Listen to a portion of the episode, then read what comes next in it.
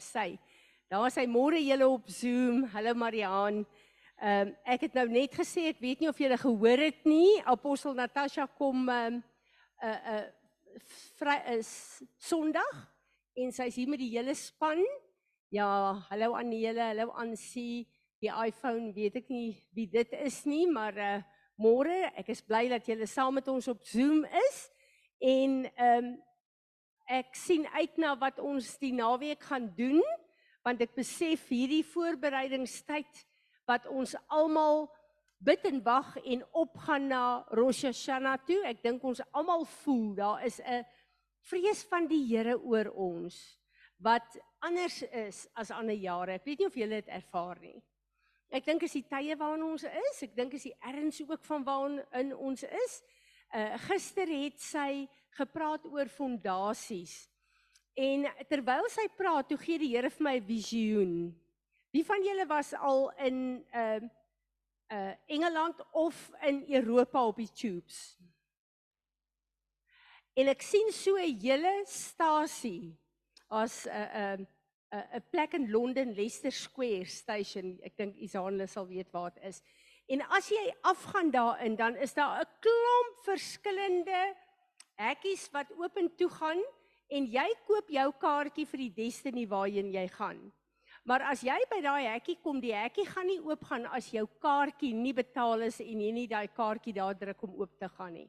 En ek kyk na hierdie ding en ek vra vir die Here, wat is dit nie? Here sê, ons is besig om die prys te betaal vir die destiny in die groot bestemming van die nuwe seisoen wat hy oopmaak. Maar ons kan net deurgaan as ons die prys betaal het. Dis wat die hekke oopmaak. En die prys betaal is om ons voor te berei vir die Here te vra wat in ons lewe moet ons mee deel, deel. Vir die Here te vra is daar sekere goeders wat ons moet ja sê, sekere goed wat ons moet nee sê in hierdie seisoen en dat ons geposisioneer is wanneer daai ramshoring die 17de blaas met Rosh Hashanah. Ek dink is die 16de die aand al. Uh blaas en dis nogal baie interessant aan julle het jy gesien dis op jou verjaarsdag hierdie jaar. So uh die oomblik as daai ramshorings blaas, dan gaan ons deur. En dan is ons voorbereiding klaar. So ons het tot die 17de Noof uh September nog tyd om ons voor die Here te humble en ons voor te berei. En ek wil vir julle sê dit is nie net vir onsself nie. Pas op om op 'n plek te wees waar jy net deel met jou goed. Ons behoort op 'n plek te wees waar ons sê Here, ek staan in die gaping vir myself, my gesin en my familie, vir my gemeente, vir my gemeenskap, vir Suid-Afrika. Wat is daar wat ek mee moet deel, maar wat is daar wat U wil hê ek moet bid en repent vir die weierplek want ek is 'n intercessor vir die Here. So is nie net ons en dit wat aan ons gekoppel is nie. Dis ook weier. Kom ons staan dat ek vir ons bid en dan gaan ons die Here aanbid. Vader, ag ons is so opgewonde altyd om by mekaar te kom en net nog 'n geleentheid te hê om u naam groot te maak. Net nog 'n geleentheid te hê Here om u te aanbid. Here, wanneer ons kom en met hierdie worship saam sing en u kom aanbid Here, dan is dit 'n platform waarop ons kom waar ons voel hoe Heilige Gees in en deur ons werk, hoe u winde oor ons begin waai, hoe u ons aanraak op diep diep plekke. Dankie vir die gawe, vir die voorreg om u te mag aanbid. En ons wil ver oggend kom Here en soos wat ons u wil aanbid, is dit die hek waarin ons kom. We will enter your gates this morning with thanksgiving and with praise. En Here Here soos ons onsself in hierdie hekke vir oggend kom posisioneer, wil ons vra Heilige Gees dat U sal kom en dat U ons sal op 'n plek kom salf waar ons moet wees in hierdie lering. Ons wil kom en ons wil elke gedagte gevangene neem wat wil inmeng met U woord vandag. Ons wil dit gehoorsaam maak aan hierdie vergadering. Ons wil vra Vader die begeerte van u hart dat dit sal land in hierdie oggend. Ons bid die Here dat u woord ons sal was, dat u woord ons sal verander, dat u woord ons sal bekragtig en Here laat u woord in en deur ons sal manifesteer as die erfenis wat Jesus vir u op Golgotha kom kry het. So met hierdie lofprysing sê ons Vader, dit is 'n offer wat ons as 'n soet soet geur vir U wil aanbid bied in hierdie oggend. Word verheerlik. Amen. Kom ons aanbid hom. Dis my so lekker as ons vasgevang word op hierdie plek waar 'n mens net eenvoudig voel dat dit wat jy sien, sing en dit wat jy verklaar, jy kan nie ophou om te praat oor die goedheid van God nie in ons eie lewe, maar ook sy almag. As ons kyk buite, as ek daar's soveel plekke op aarde en in ons elke dag se lewe wat ek op 'n nuwe vars manier die grootheid van God net eenvoudig so ervaar. En dan besef ek ons almal saam se beste werke kan niks wegvat of byvoeg nie. God is God, vas en ewig tot in alle ewigheid. En as ons kyk na die plek, die ernstige plek van konfrontasie waar ons nou op hierdie stadium is, dan besef ek meer en meer. Het julle gesien hierdie goedjies wat ek vir ons opsit wat van Ariel Gate af kom in die Torah goed? Wanneer ek kyk en hulle sê ehm um, bely haat. Dink ek, "Sjoe, ek dink nie dis eintlik regtig in my nie." Ek dink nie ek haat regtig nie. Totdat ek begin ingaan en kyk wat dit beteken en dan besef ek nee. Die wickedness van ons harte is so ingeweef met hierdie wêreldse stelsel dat dit net as daar iets goed uit my in jou uitkom, is dit Jesus. As iemand ons komplimenteer met iets mooi en goed, dan is dit Jesus wat hulle sien. En dit gee my soveel hoop in hierdie wêreld dat Jesus ten spyte van Fransie van Wyk deurkom in haar lewe en dat daar plekke is waar ek 'n getuienis is vir ander mense. En ek weet dis hy wat deurkom. Dis nie ek self nie. Want daai ou natuur hoef nie eens vir julle te sê hoe sterk bly daai ding nie. Ons um, is besig om te kyk na ons brein nog al die tyd en ek kan nie wegkom van daai hele openbaring wat die Here ons gegee het van dat hierdie brein van ons ons gedagtes is 'n deur wat ons oop en toemaak nie. En daai realiteit het so in my geland dat ek 'n um, 'n nuwe fokus en 'n nuwe erns het om my gedagtes na te kyk in al hierdie omstandighede wat net so op ons afgaan. En ek luister na iemand wat ehm um, ek wil vir julle sê uh, dit is nou nie hy na wie ek gaan verwys nie, maar hierdie Jeremiah Johnson is 'n man wat 'n mens nou kan luister deesdae. Nadat hy uit daai plek gekom het waar die Here hom vir 'n jaar lank gehou het. Want hy is vir my iemand wat ek ervaar hoe is hy deurdrink met die teenwoordigheid van die Heilige Gees en hoe hy regtig minder geword het en hoe Jesus en wat by sy mond uitkom so opgelig word die heeltyd. So dit is een van die profete dink ek wat die Here regtig deur die vuur proses gesit het om hom te heilig en te reinig vir vir nou. En ek uh dink ons is almal op 'n plek as ons sien hoeveel van hierdie uh uh ouens die Here sê even the elect will be deceived. En as ons sien hoe baie van die manne en vroue wat ons geleer het tot hier toe op plekke van misleiding ingaan, dan's my hart so seer, maar dan besef ek Here, wees ons genadig en mag hy gee dat alles wat ons doen dink en sê altyd aan sy woord getoets word. Enige iets wat verwyder word. Enige revelation wat verwyder is van die woord van God is ek versigtig voor.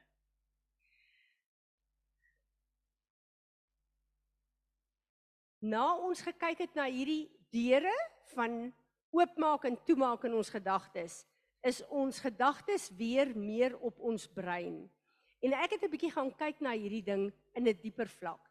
Nou, hoeveel lering het ons al hier en in Ariel Gate oor ons brein gekry? Boeke en boeke en boeke wat ons kan skryf daarvoor. En dan dink 'n mens baie keer wat kan nog daaroor gesê word? Totdat die Heilige Gees goed kom oopmaak, dan besef jy Die goed wat ons dink ons weet is 'n kopspeld se prikkie. Daar is soveel. As ek dink aan een van die plekke in die Nuwe Testament waar hulle gesê het is alles wat Jesus op aarde gedoen het in daai 3 en 'n half jaar opgeteken was, sou daar nie genoeg boeke in die wêreld gewees het om dit te kan opteken nie. Nou so voel ek is die woord van God. Ons dink ons ken 'n gedeelte, maar is eintlik onbeperk. Elke keer as ons 'n openbaring kry, maak dit 'n deur oop vir 'n klomp ander nuwe openbarings. Het julle dit ervaar? En dis eintlik lekker want dan weet ons dit wat ons sien, dit wat ons nie in vars kry. Wys vir ons ons is geestelik lewendig. As daar nuwe goed oopgaan, as daar nuwe openbaring kom, as dan's ek en jy lewendig, dan wys dit. Die Gees, die Gees van God werk in en deur ons en dit is 'n plek wat vir my so bly maak. Nou ja, as ons nou kyk na hierdie ouens wat leer skiet, skuif skiet, dan weet jy daar's 'n target en hulle skiet om hulle te laat oefen om te kyk hoe goed kan hulle raak. Nou dit voel vir my dit is hoe die duiwel met ons is. Hy target ons brein met al sy gedagtes, met die omstandighede, met die realiteite, met die uh, om te kyk waar hy ons kan tref dat ons sy koel kan vat en kan oopmaak dat hy kan grondgebied in ons lewe kry. En baie keer besef ek ek laat toe dat hy my tref dan raak ek krippel. Want die oomblik as hy my tref en hy kry toegang hier en ek verander my gedagtes. Dan verander my emosies, my gedrag, my manier wat ek praat, my opinies, my persepsies, dan word ek heeltemal na 'n ander plek toe getrek. En ek besef dit is die gevaarlike ding van die vyand. En as 'n mens kyk na 'n krippel verstand, dan is dit 'n verstand wat nie heel is en stabiel is in die woord van God nie. En dan kyk ek na ek het baie keer gesê as ek ooit moes kies of my liggaam krippel moet wees of my verstand sal ek my liggaam kies. En het julle gesien hoeveel mense wat fisies gestrem is is daar wat uitblinkers is? Nie net in die koninkryk nie, want hulle verstand maak hier niks en hulle het geleer om hulle verstand onder beheer van die Heilige Gees te bring. Kyk daai Nik, wat is hy van?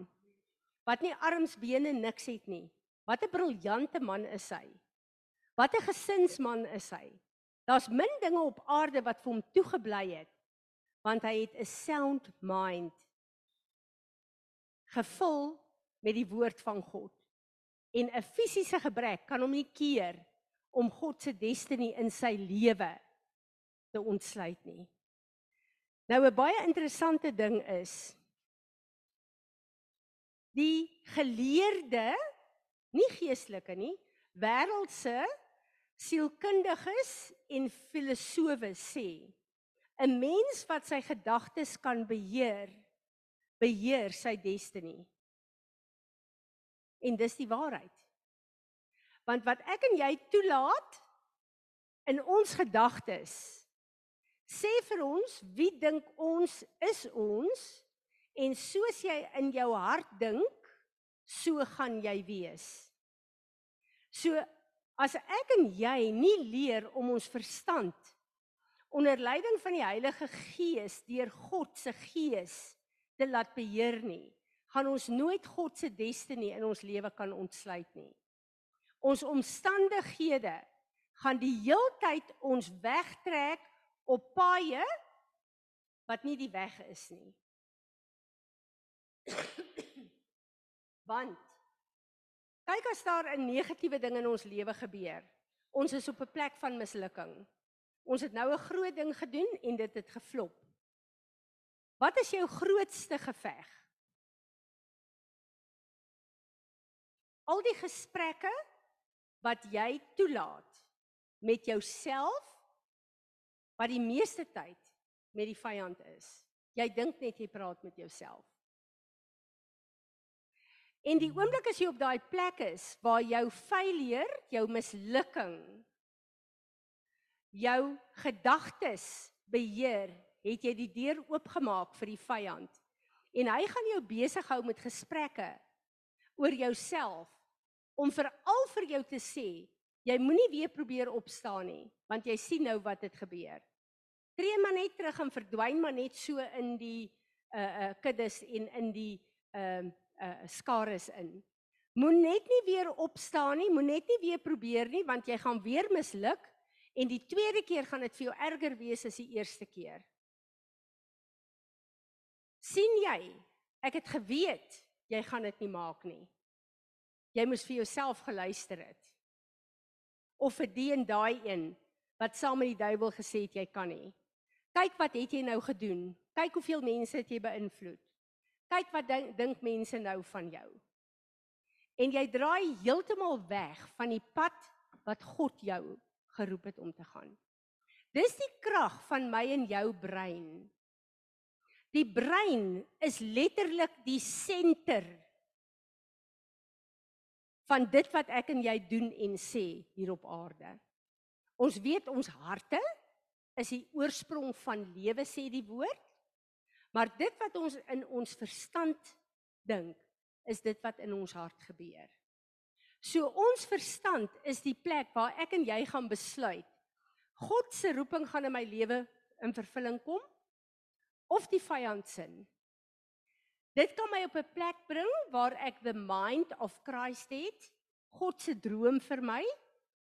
En wat is the mind of Christ? Dis 'n gedagte wat gekoppel is aan die wysheid van God se woord, die krag van God se woord, die volheid van God se woord, al die kennis wat ek nodig het. Dis gekoppel daaraan. Alles wat ek dink, doen en sê, word gefilter deur die woord van God wat ek kies wat my filter gaan wees. Dit is die mind of Christ. Nou as daar 'n mind of Christ is, dan is daar 'n carnal mind ook. En 'n mind wat gevul is met die duiwel ook. En ons gaan net nou kyk na al die verskillende minds wat die Bybel daar noem. En dis nogal vir my ontstellend as ek sien hoeveel skrifte in die Bybel is wat verskillende tipe uh mindsets, minds uitwys vir die mens. Ek het nooit so daaraan gedink nie. As ons kyk na ons omstandighede en ons laat toe dat ons omstandighede deur die vyand beheer word om ons brein te rig. Skielik al ons verhoudinge, ons siektes, ons swaar kry, ons armoede is letterlik 'n deur vir die vyand om demoniese magte aan te stel, hierdie familiar spirits wat ons kom, wat is torture in Afrikaans? Martel. Wat ons letterlik kom martel. Het jy al gesien as jy in 'n slegte omstandigheid is en jy laat nie toe dat die Here ingryp en jy kies dat die Here en sy woord begin werk, jy begin dit uitspreek nie. Het jy gevoel jy loop tussen mense, jy doen jou dag se take, maar jou brein kan nie afskakel nie. Dit bly in daai situasie. Dit bly luister na al daai stemme. Dit bly dis letterlik 'n marteling. Jou brein is glad nie hier nie.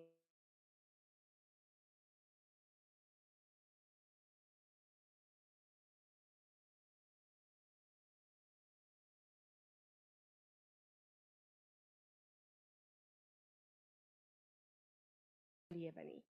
En dit is die krag van ons brein.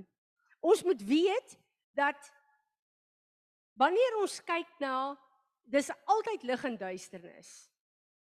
Daar is nie 'n makliker ding as om 'n demoon te bind en uit te dryf in die naam van Jesus nie en so breek sy krag en sy mag. Maar wanneer ek en jy sit met 'n stronghold wat ons die vyand toegelaat het om in ons kop te bou. Is dit nie ek repent nou en ek breek die stranghold af en ek skop die vyand uit daai plek uit nie. Net soos wat ons stap vir stap toegelaat het dat die vyand steen vir steen bou van daai stranghold in my kop. Net so het ek en jy daai geveg wat ons moet saamwerk met die gees van God Vat byvoorbeeld vrees.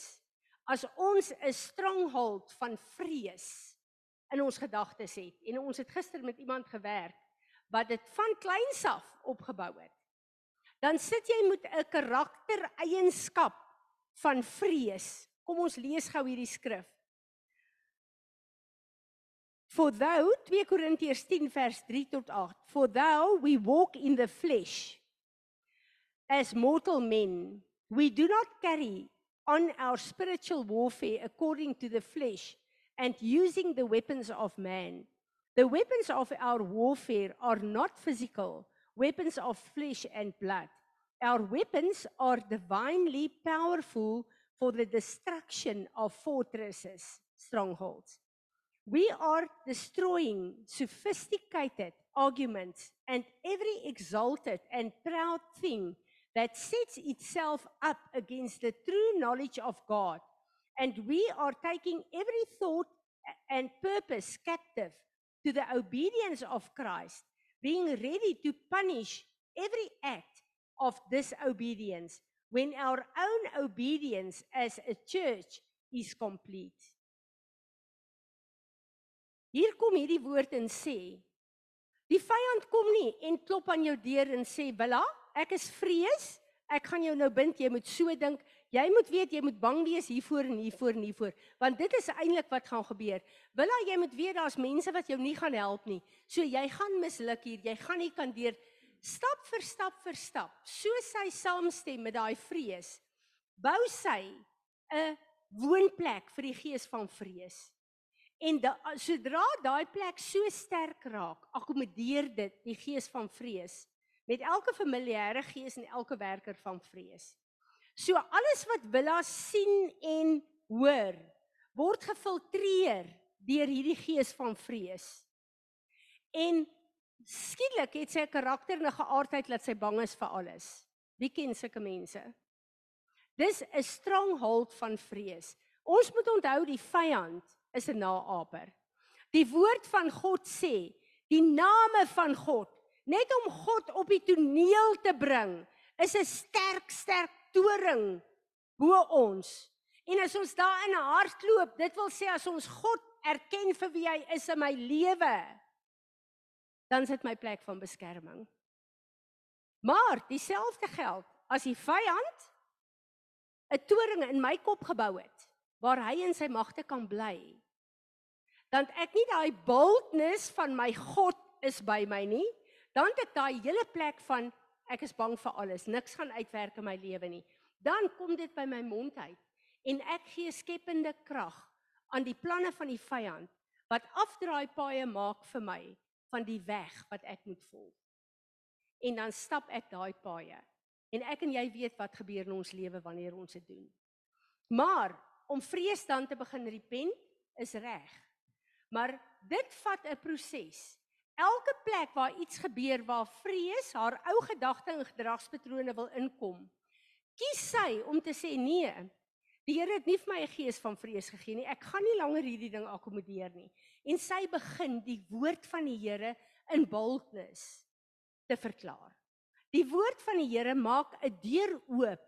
Die Heilige Gees werk in haar lewe. Sy gee toestemming en daai woord wat sy uitspreek begin haar gedagtepatrone te verander en steen vir steen, dit vat 'n tyd, breek sy daai stranghold van die vyand af totdat daar niks oorbly wat hy kan terugkom mee nie. En totdat haar gedagtes en haar gedrag verander na ehm uh, van vrees na 'n totale afhanklikheid in boldness van my God is in staat om alles te doen wat ek nie kan doen nie, want ek kies om hom toe te laat om dit te doen. Ek wil vir julle sê hierdie is een van die grootste hindernisse wat die Here wil hê ons moet oorkom voor ons in hierdie nuwe seisoen ingaan. En ek wil vir julle sê vandat die Here begin het met hierdie deur oopmaak, is dit asof wat daar 'n filter in my gesit is wat ek begin dink wat ek doen. En veral wanneer moeilike situasies daar is, dan wil ek nie net sommer meespring in 'n ding sê nie. Ek wil dink wat ek gaan sê en wat ek gaan doen. Want soos wat ons oefen om dit te doen, word ons fiks fisies en in die gees en verander die goed. Maar dit is daai prys wat ek en jy betaal. Soos hierdie hele treinstasie, daai kaartjie wat die deure oopmaak van vir God se woord in my lewe om my destiny op God se pad te hou, kos 'n prys. Die prys is dat ek en jy met Heilige Gees hierdie geveg veg en laat ons ons brein terugvat en afbreek wat ons moet afbreek. Wat het die Here vir Josua gesê? Net kom by daai skrif. Hierdie ding is vir my so amazing toe ek dit nou weer opnuut gelees het ver oggend. Ek net gou kyk waar is daai ding. Daar sê Josua moet die volk Israel lei om oorlog te voer in die fisiese. Nou as jy uh, luister na die teoloë dan sê hulle Josua in die Ou Testament is die boek Efesiërs in die Nuwe Testament, nê. Nee, daar was 'n fisiese oorlog, maar dit is die dit het die fondasie gelê vir die geestelike oorlog wat ons vandag lei. Toe Josua moet kom as hierdie generaal wat moet veg fisies, oorlog moet voer. Maar niemand het geslagte lank vir hom eers gewys hoe lyk oorlog nie. Hy weet nie wat is dit om 'n fisiese soldaat te wees nie. Hy het geen ervaring van weermag nie. Maar hy moet die generaal wees van hierdie weermag. Ek het 'n tyd daarop gesit en gemediteer en gedink dis verskriklik eintlik.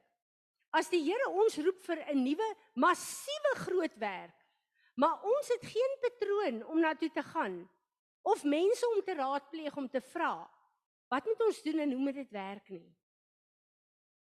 En dan kom die Here en hy sê vir hom: "Hier's jou toerusting, Josua. This book of law shall not depart from your mouth, but you shall read and meditate on it day and night, so that you may be careful to do everything accordance in accordance with all that is written in it. For then you will make your way prosperous and then you will be successful." Mense soek sukses en oorwinning en voorspoed buite die woord van God. Dit is nie daar nie. Ware voor voorspoed, ware wealth, ware wisdom kan ons net kry van die woord van God. En hier kom die Here en sê vir Josua, Josua, jy's voor 'n nuwe seisoen. Peres, jy is voor 'n nuwe seisoen. Josua, jy weet nie hoe lyk hierdie seisoen nie, want jy was nog nooit daar nie. Peres, ons weet nie hoe lyk die nuwe seisoen nie, ons was nog nooit daar nie. Ons weet net ons is in die eindtye. En dan sê die Here vir Josua, maar dit is jou strategie. Daai strategie het nog nie verander nie. Maar die geheim is nie net om dit te hoor nie. Ons is bederf met die woord van God wat ons al geleer het tot hier toe, maar om dit te doen. En dit is waar die moeilike plek lê waar ek voel dat ons in 'n seisoen is waar die Here letterlik gaan ingryp. Want hy wil ons persepsies en ons opinies veral oor onsself verander. Maar dit gaan nie van daar af kom nie. Dit gaan nie net van die woord afkom nie. Dit gaan deur die woord wat hier deur ons moet filter en ons gedrag moet verander. Romeine 12 vers 2 sê, "Do not be conformed to this world any longer with its superficial values and customs, but be transformed and progressively changed as you as you mature spiritually by the renewing of your mind, focusing on godly values and ethical attitudes, so that you may prove for yourselves that what the will of God is." That which is good and acceptable and perfect in his plan and purpose for you. Weet julle wat besef ek hier? Ons is baie keer ingestel om vir mekaar en vir die wêreld te wys ons glo die woord van God en ons is gehoorsaam aan God. Maar hoor julle wat sê hierdie woord? Hoekom sukkel ons so? Baie keer het ons 'n act of obedience, maar hier sê doen dit heel eers vir jouself waar niemand kyk nie. Waar jy niemand kan beïndruk nie, waar jy nie 'n testimonie vir die wêreld het nie. Oefen die goed net tussen jou en God met jou elke dag se omstandighede. En die oomblik is ons op daai plek is waar ons kan glo hierdie ding werk in my, dan raak dit 'n natuurlike leefwyse in ons lewe. En dis wat ek die Here vertrou om vir ons te doen.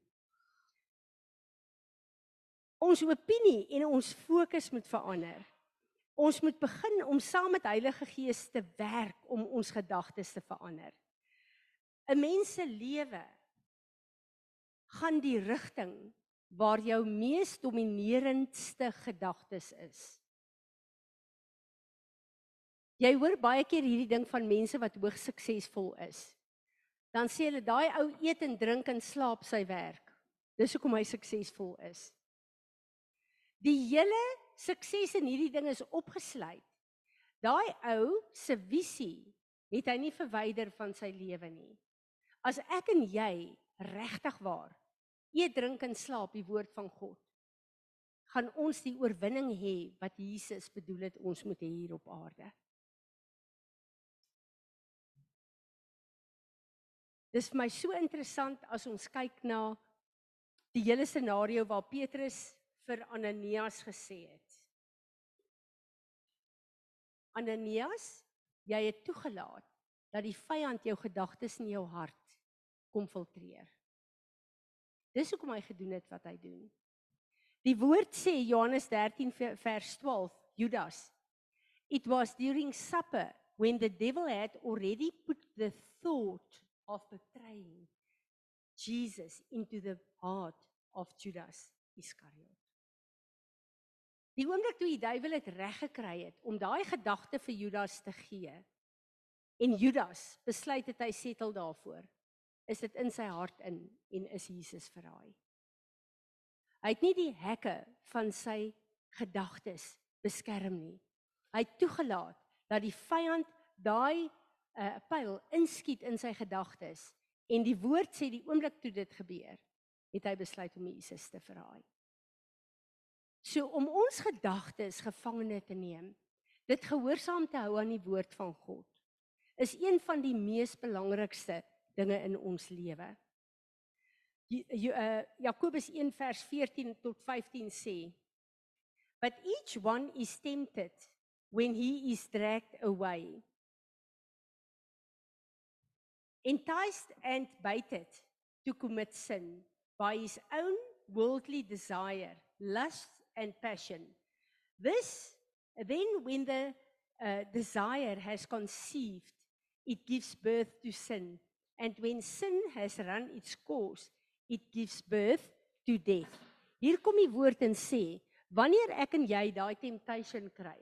Wat is temptation? Dis 'n gedagte. Die oomblik as ons daai ding toelaat in ons gedagtes, dan begin die gesprekke in ons kop. En dan gee ons toe daar daarna toe en dan word dit sonde in ons. So alle ehm um, versoekinge is eers 'n gedagte. Wat doen ek en jy met daai gedagte? Die plekke wat ek en jy nog mee sukkel in ons lewe. Die plekke wat ek nog mee sukkel vir jare.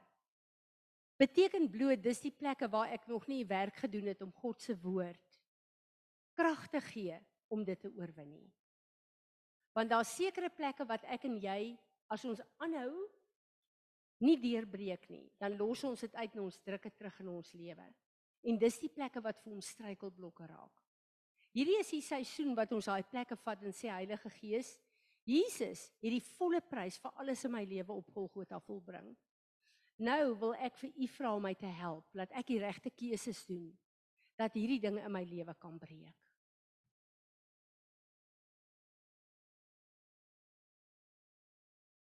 Ek wil vir ons gou-gou lees. Johan 3 Johannes 1 vers 1 3 eh, Johannes 1 en 2, dis net een hoofstuk wat daar is. Staan daar beloved, I pray that in every way you may succeed and prosper and be in good health just as I know your soul, your mind prospers. As jou gedagtes vrugbaar is, as jou brein vrugbaar is, dan dit 'n uitwerking op alles in jou lewe. Dit beheer alles in jou lewe. Ek het vinnig gaan kyk na die woord Wat hoe beskryf hy ons brein? En elkeen van hierdie plekke wys wat is die krag van ons brein om ons voetstappe te rig en om ons of by die Here te hou of ons weg te vat van die Here af. Die eerste is 'n right mind. Markus 5 vers 15. They came to Jesus and saw the man who had been demonically possessed sitting down clothed in his right mind. The man who had previously had a legion of demons and they were frightened. Dis baie interessant. Jesus het nie gekom. Daai ou het niks gehad nie. Hy het nie vir hom kos en klere en rykdom en geld en wat ook al gegee nie. Hy het sy die demone uitgedryf en dit het sy mind weer in 'n stable ehm um, geordende verstand gebring. En die mense het dit dadelik gesien omdat sy verstand georden is, het hy gesit en die mense uh beïndruk want hulle het hom geken vir wie hy was. Die tweede ene is en ek lees vir ons 'n sober mind. Dit is 1 vers 8. But he must be hospitable, loving and a friend of believers, especially to strangers and foreigners. He must be a lover of goodness, of good people and good things, sober minded, sensible, discreet, upright, and fair minded, a devout man and religiously correct, temperate and keeping himself in the Lord. Dis wat 'n sober mind is. En ek moet vir julle sê, ek ken baie geestelike leiers wat 'n dronk verstand het. Wat verseker nie 'n sober mind het nie. En as ek en jy in ons gedagtes sukkel met verwarring en misleiding, het ons nie 'n sober mind nie. Dan is ons vergiftig deur iemand. Intoxicate sê die woord. Iemand wat dronk is, is intoxicated. Is ons brein vergiftig deur ideologieë, deur mense, deur politieke partye, deur oortuigings teen die woord van God? Dan het ons nie 'n sober mind nie. En dan moet ons toelaat dat God se woord ons brein weer in die regte orde bring. Dan die skrif wat ons almal ken, 2 Timoteus 1 vers 7 is sound mind. For God did not give us a spirit of timid, timidity, of cowardice, of craven and cringing and frowning, fawning fear, but has given us, given us a spirit of power, of love, and of calm and well-balanced mind, and discipline and self-control. Nou hierdie skrif spreek vir homself, maar dit bring vinnig iets by my op wat apostel Natasha eendag 'n lering oorgebring het met 'n skrif. Ek kan nie onthou waar dit is nie. Waar daar staan iemand wat 'n coward is, gaan hel toe. En ek het daarna gekyk en ek het gedink, "Wat?" En dit is so blaatante uitgesproke skrif daai. En ek dink dag by myself, maar daar's baie plekke in my lewe waar ek 'n lafaard is. Hoe kwalifiseer ons hierdie skrif? En ek besef hierdie skrif wat Timoteus na vore bring as ons 'n sound mind het, dan is die woord van God die klankbord van ons brein. Dan is ons stabiel en ons het 'n righteous mind want dit is waarvoor Jesus vir ons gesterf het. 'n Volgende ene 'n carnal mind. Romeine 8 vers 6 tot 7. Now the mind of the flesh which is sense and reason without the holy spirit is death. Death that comprises all the mysteries arising from sin both here and hereafter. But the mind of the holy spirit is life and soul, peace both now and forever. That is because the mind of the flesh with its carnal thoughts and purposes is hostile to God, for it does not submit itself to God's law. Indeed, it cannot. Ek kyk na hierdie carnal mind wat baie soos 'n fleshly mind is wat ook een van die toestande van ons brein is. En ek besef net dat ehm um, daar's soveel plekke waar ons gekondisioneer is in vleeslike goed. Waar daar sekere standaarde en goed is wat ons maar net ehm um, aanvaar of moet aanvaar want dit is die standaard van die wêreld. Gister bedien ons 'n paartjie en die vrou sê dat sy so ontsteld as haar kindertjies genooi word na partytjies toe wat unicorns en uh, uh hekse en feetjies en al hierdie goeters is. Want dis verkeerd. En ehm um, die enigste ding wat hulle kan doen is om vir hulle kinders te sê dis verkeerd. Maar dan sal die kinders gaan en hulle sal 'n bombars by die partytjie wat dan nou ander klomp moeilikheid en goed uh, dan besef ek daar's 'n plek waar die wêreld so krag en invloed oor ons het en dat dit ons intrek na plekke toe waar ons kompromieë aangaan. En dan het ek soveel simpatie en empatie met mammas wat kinders het as hulle die enigste een is in die klas wat nee sê vir 'n ding word hulle almal uitgestoot. En daai kind gaan na 'n plek van verwarring toe vir die res van hulle skoolloopbaan en hulle word as weird gestempel. En dan besef ek dit is hoekom Jakob gesê het ek het, het is dit 140 jaar op hierdie aarde gelewe as 'n vreemdeling. Want jou kinders is letterlik vreemdelinge en ons is vreemdelinge sekere plekke in hierdie wêreld. En as ons toelaat en die grootste plek wat ek mee sukkel, ek is baie baie lief vir lees. As ek stories en goed lees wat sekere goeie steen die woord van God is, En ek kan so vies raak want dan lees jy 'n paar boeke en dan kom jy by die volgende een dan word homoseksualisme goed gepraat.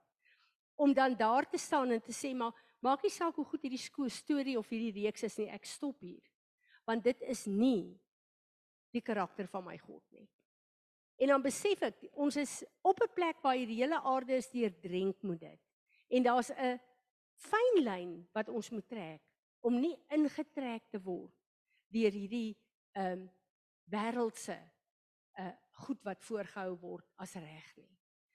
Ehm um, ek besef veral vir ons kinders is dit baie moeilik om in hierdie tye te lewe as 'n kind van die Here wat nee sê vir meeste van die goed wat die wêreld voor jaar sê op hierdie stadium. En dan iets wat 'n groot groot probleem is en ons almal ken sulke mense wat 'n angstige brein het. Alles is negatief, alles is angstig, alles is alles gaan verkeerd loop. Dis die mense wat 'n 'n 'n probleem vir elke oplossing het wat jy vir hulle gee. Dis daai mense wat net eenvoudig so negatief is in alles wat hulle dink en sê.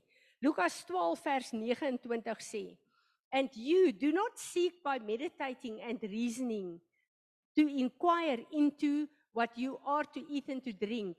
Um nor be anxious, troubled of mind, unsettled, excited, worried and in suspense. Jy sien 'n probleem letterlik in alles. En jou filter van alles wat jy sien en doen is vrees en angstigheid en stres.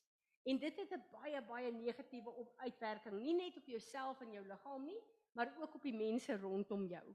'n Negatiewe brein Dis vir my so interessant. Ehm um, ek luister na een van hierdie ouens en hy sê iemand wat so negatief is, wat in alles, jy kan enigiets vir hulle sê hulle is negatief en hulle is angstig in alles. Dis letterlik soos 'n ou wat jy vat 'n stuk kaas, hierdie uh, kaas wat so lekker stink op sy voorkop plant. En daai ding is op sy voorkop, maar hy weet dit nie. En as hy in jou huis inkom, stink jou huis. As hy kerk toe gaan, stink die kerk. As hy bank toe gaan, stink die bank. Dit het niks met die plekke te doen nie. Dis sy brein, sy eie kop wat stink. En alles, maak nie saak waar hy kom nie, sal 'n negatiewe konnotasie hê. En daar's baie mense wat so is. En hulle die mag en die vermoë. Jy weet, as 'n mens by daai mense kom of hulle by jou was, dan moet jy jouself lossny van hulle af want daar's 'n oordraging na jou toe. Jy voel hoe hulle die atmosfeer kom verander. Die 6ste een is vir my 'n interessante een. Die Engelse sê a deep-based mind. Rejected cannot stand the test. Wanneer jy op 'n plek kom waar jy letterlik die woord van God ignoreer, waar jy nie reg gehelp wil word nie, waar jy jou eie ding wil doen, dan kom hierdie skrif in aan in werking wat vir my skokkend is. And so since they do not see fit to acknowledge God or approve of him or consider him worth the knowing, God gave them over to a base and condemned mind to do things not proper or decent but loathsome. Ons ken almal Christene. Jy weet hulle is Christene. Maar hulle optrede is optrede van rebellie. Hulle is altyd stroom op. Hulle is altyd uh hulle beïnvloed jou op so 'n negatiewe manier want jy kan wat ook al wat reg is voor hulle sit. Hulle het hulle eie opinie wat verwyder is van die woord van God. Die woord sê die Here laat hulle toe om op daai plek te bly, maar hy gee hulle oor aan hulle eie denkpatrone en hulle goed. En ons weet wat se uitwerking het sulke mense die oomblik as hulle in ons midde inkom. Ehm um, Ja. Ek wonder of ek dit mag sê oor die uh die Afrikaners sê jy kry baie sulke mense wat letterlik met hulle agtereen teen die juk lewe.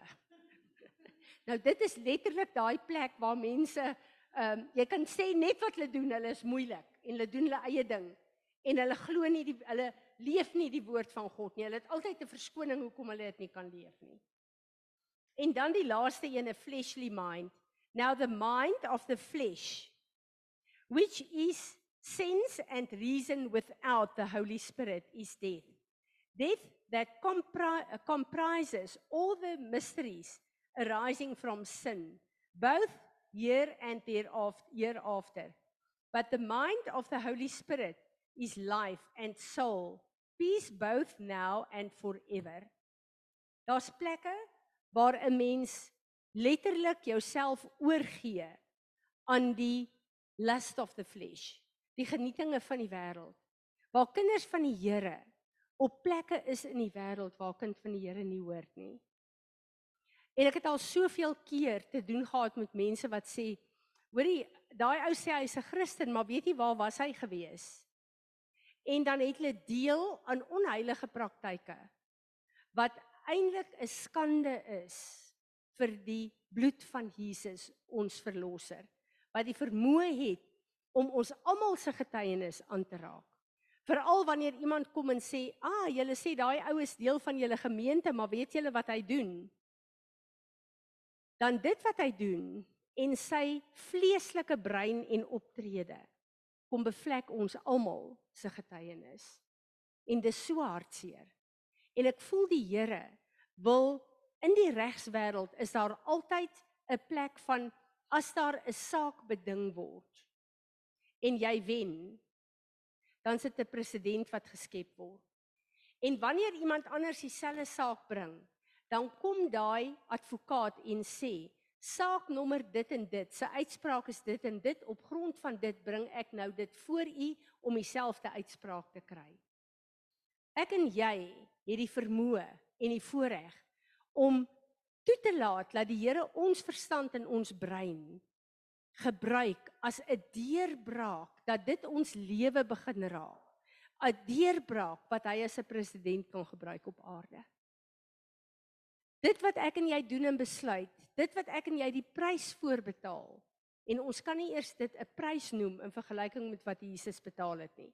Maar wanneer ek en jy dit doen en werk saam met die Heilige Gees van God, dan beïnvloed dit nie net dit verander nie net ons lewe nie, dit beïnvloed die liggaam van Christus.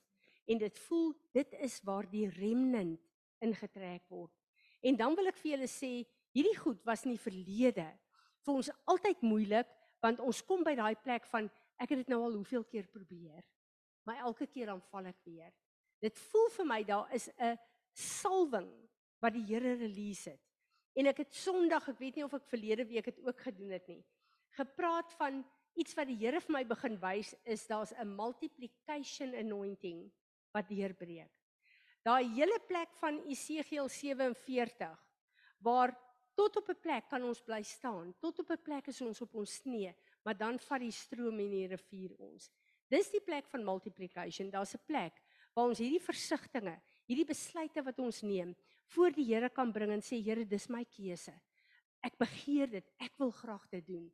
Ek wil saam met U werk. Dis wat ek kies. Waar God gaan begin oorneem deur sy genade.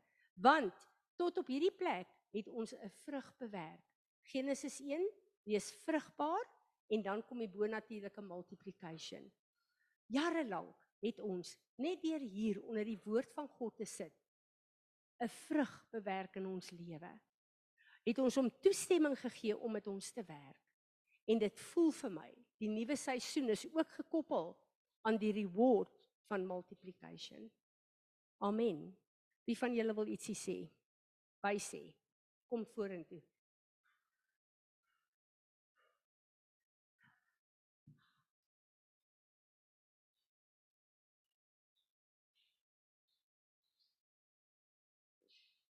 Voor Sanet hier uh en en uh Izet met ons gaan praat.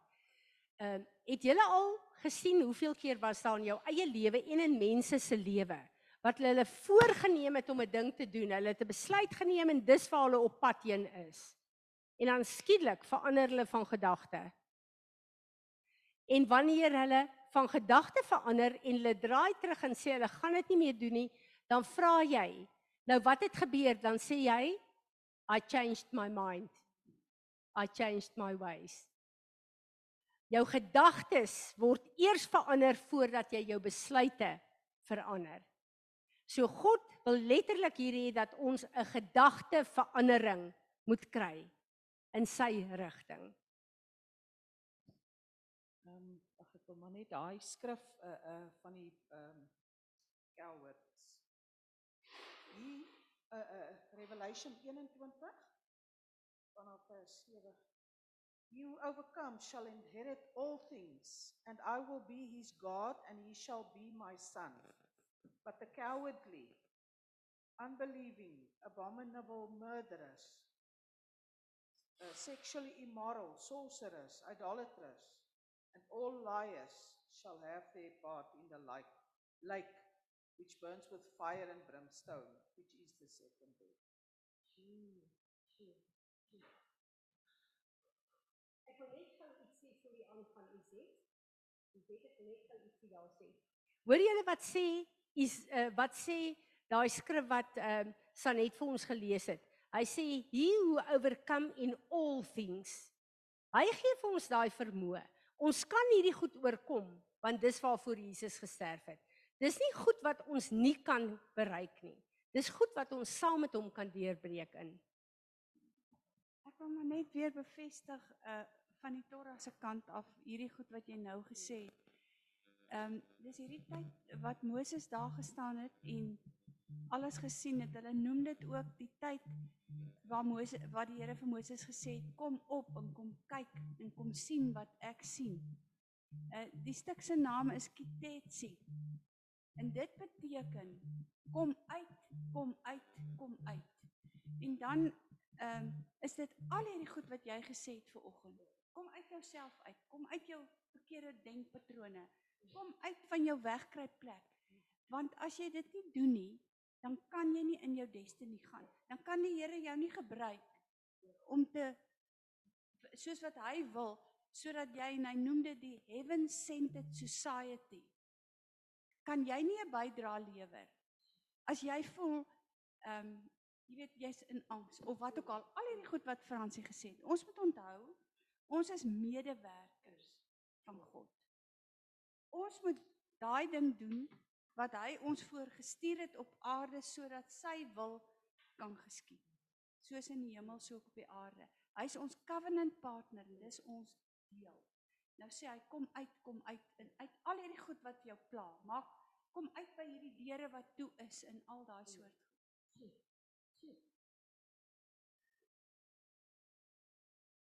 Dankie vir my preek Tannie.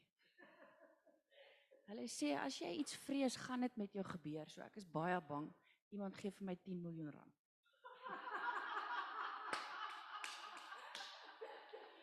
Um, Ja, dit was nogal goed. Ehm um, nee, ek wil net ek wil twee goedjies share. Die een is net 'n videoetjie wat ek gesien het hierdie week. Dit was my net baie interessant en dit kom weer by jou gedagtes in. Hierdie het gegaan, hulle het 'n eksperiment gedoen. Gewone scientists het water gevat en in sulke ronde bakkies gesit en ehm um, ja. Voor hulle dit gevries het, het hulle letterlik in my vorige lewe sou dit seker vir my vreemd gewees het of weird gewees het, maar Apostel Natasha het ook al oor gepraat. Hulle het met die water gepraat. Ja. En hulle het met daai water verskriklik lelik gepraat en toe vries hulle dit. Of negatief gepraat en toe vries hulle dit toe maak dit sulke swart lelike punte. En die water waarmee hulle positief gepraat het en mooi gepraat het, het hierdie perfekte yskristalletjies gevorm onder die mikroskoop. En toe sê hulle jou jou liggaam is 70% water, jou brein is meer as dit, water. So dis so belangrik dit is om jou gedagtes gevange te neem en jou en positief te praat en te dink. Ken tannie vir Nate Johnson? Nate Johnson. Hierdie is nou weer net vir my 'n samevatting van dit wat aan die laaste maand seker sê. Um, ek het gister dit gelees van hom. I woke up hearing the Lord say, I am not done yet. I am leading you out. Don't look at what you see around you because the scenery is about to change. The landscape is about to change. Don't let your past experience predict a negative future when you can't see what I'm about to lead you into. For right now, I am purging Egypt from your hearts and minds and removing the taste and memory of bitter water from your lips. I am healing you of the deep anguish and your soul sickness of your dark night season, your wandering and lost season.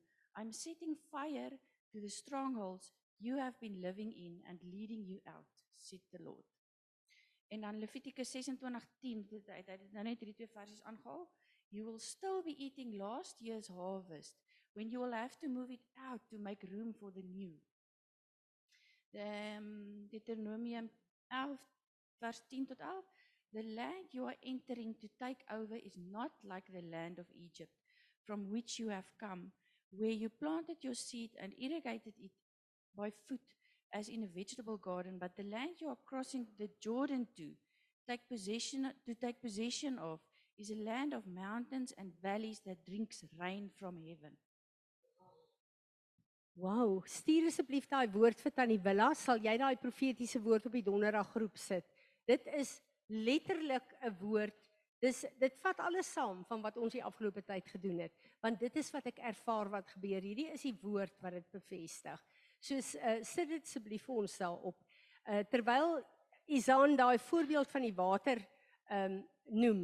Uh, vir mense mag dit vreemd klink, maar wat sê Psalm 29? The voice of the Lord are upon many waters. En dan soos wat God se woord op die water wat ons ook is spreek, is daar geboortes, is daar goed wat breek, is daar goed wat vernietig, is daar ehm um, dis presies. Dis presies. So daar's 'n plek waar wetenskap bewys dat God se woord die waarheid is. En dis die hele Psalm 29 wat hulle nou net met wetenskap bewys het. En sulke goed maak my verskriklik opgewonde. Want ons God is ewig vas van ewigheid tot ewigheid en alles tussenin. Amen. Amen. So ek wil regtig hê ons moet net staan en uh ek wil vra wie van julle wil bid vir die naweek vir apostel Natasha vir hulle ry vir die boodskap wat sy moet bring vir die asseblief. Kom ons staan en dan bid ons net. Uh ek wil sommer 'n paar van ons moet bid daaroor. Tanya, kom jy sommer in begin daarmee dat ons regtig hierdie naweek opdra aan die Here en vra dat hy sal deponeer wat nodig is. Onse hemelse Vader, dankie dat U God is. Dankie dat U groot is, dat U heilig is. Vader, ons eer U. En in humbleness kom buig ons voor U, Here, as U kinders en ons kom in die naam van Jesus en ons wil net vir U so dankie sê vir ons huispres. Dankie vir ons leiers. Dankie dat ons die voorreg het Vader om vir apostel Natasha hulle te kan host.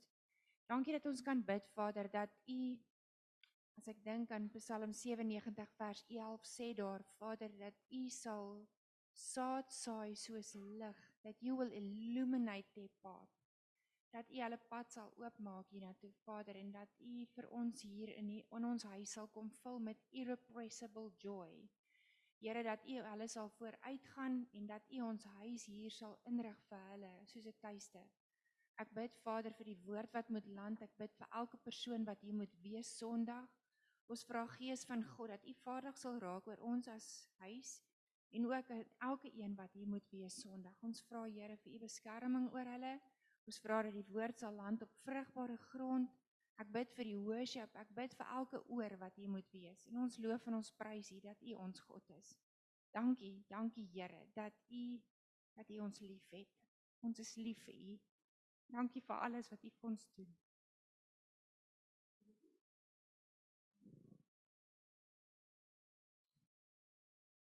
Vader, as ons vanmôre voor U troon van genade kom staan, dan is dit met die groot en die vaste wete dat ons U nodig het. Elkeen van ons, Heer, het vir U so ontsettend nodig. En daarom wil ek kom bid dat U asseblief sal harte voorberei oor hierdie naweek, dat U sal begin by elkeen van ons dat ons ons harte sal ondersoek, dat ons harte sal rein en heilig wees voor U. Here, ek bid vir apostel Natasha dat elke ding wat van buite af wil inwerk om haar gedagtes te kom besoedel om te verwarring te bring om vir haar deur mekaar te maak om haar af te trek van die boodskap wat U stuur. Bid ek dat uh, wil ons nou kom gesag neem daaroor. Here, dankie dat U vir ons die vermoë gegee het om in te tree dat U van ons regtig warriors gemaak het dat ons kan intree en kon eh, kan kom gesag neem van elke mag, elke uh elke ding wat wil inwerk en en uh om distractions saai, wat ore wil toedruk, wat oë wil toemaak. Ons kom bind julle in die naam van Jesus Christus, die Here, die Almagtige, in die naam van Jesus Christus. Ek bid Here dat U die engele aangaande hulle sal bevel gee op pad hiernatoe dat hulle veilig sal ry, dat die engele hulle sal begelei. Ek bid Here vir 'n rustigheid en 'n kalmte oor die hele gemeente en ook oor hulle. Dat die ore sal oop wees, dat die saad sal val, dat dit sal ontkiem, Here, en dat dit 'n menigvuldige vrug sal dra. Dankie dat ons dit van U kan vra in Jesus se naam. Amen.